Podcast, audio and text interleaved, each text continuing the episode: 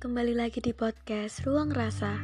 Sudah sangat terlambat buat mengucapkan selamat menjalani bulan Maret karena bentar lagi udah mau berakhir.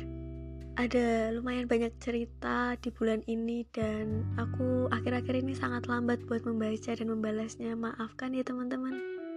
Karena memang bulan Maret ini jadi bulan yang tersibuk bagiku, banyak hal yang harus dikerjakan dan yaps, bahkan ada beberapa chat yang benar-benar dalam seharian bahkan aku sampai lupa buat bales ya karena kesibukan-kesibukan itu. Di salah satu cerita yang dikirim oleh pendengar podcast Ruang Rasa melalui DM itu ada yang closingannya berharap bulan ini masih sama dia lagi. Oh wait wait. Aku cek lagi ternyata bilangnya bulan ini dan bulan-bulan seterusnya sama dia lagi. Dari situ kayak kita pernah gak sih ditanyain gitu kenapa kok harus sama dia?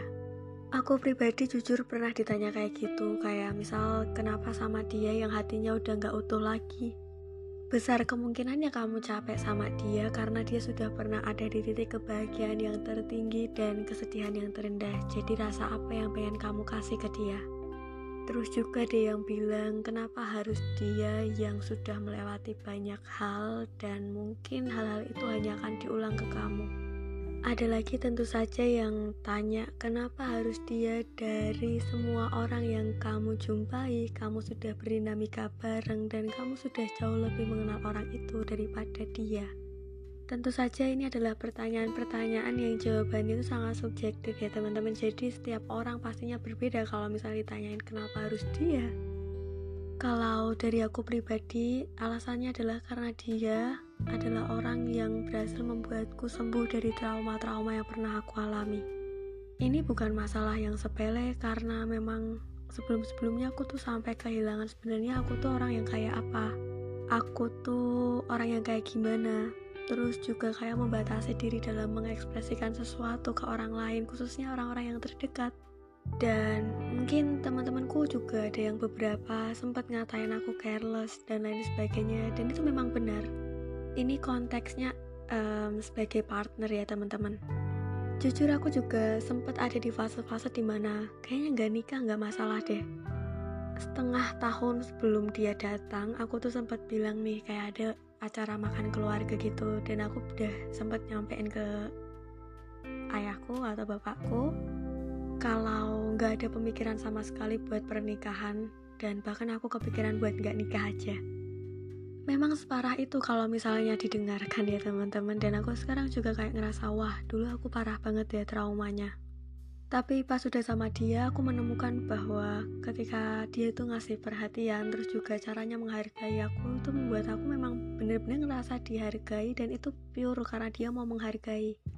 Bukan yang untuk maksud apa ya kayak aku nggak bisa ngungkapin di sini tapi memang seakan-akan sikap menghargainya tuh benar-benar tulus begitu pula sebaliknya waktu sama dia aku jadi punya rasa peduli lagi ke dia khususnya dan ke orang lain juga di luar kerjaan ya rasa sisi kemanusiaan terus juga kepedulian terus juga hal-hal baik lainnya tuh semakin mendekat gitu Perkara hatinya yang memang sudah tidak utuh lagi, pun demikian juga denganku.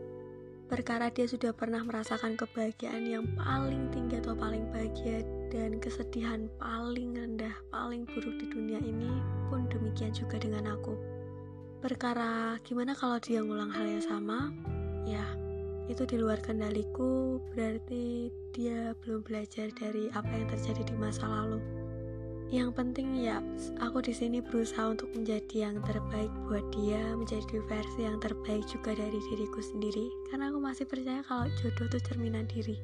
Perkara gimana nanti akhirnya, kita mungkin bisa berharap dan meminta, tapi kembali lagi sama yang di atas. Oke deh, kayaknya cukup sekian episode kali ini. Mohon maaf banget teman-teman banyak suara-suara distraksi karena aku teksnya tuh kayak jam-jam pagi gitu, jadi ada suara-suara burung dan lain sebagainya. Mohon maaf juga kalau memang ada omongan-omongan yang kurang mengenakan atau menyenangkan bagi teman-teman pendengar podcast Ruang Rasa. Segala bentuk kritik, saran, dan masukan sangat kuterima ya teman-teman. Oke, okay, see you next time.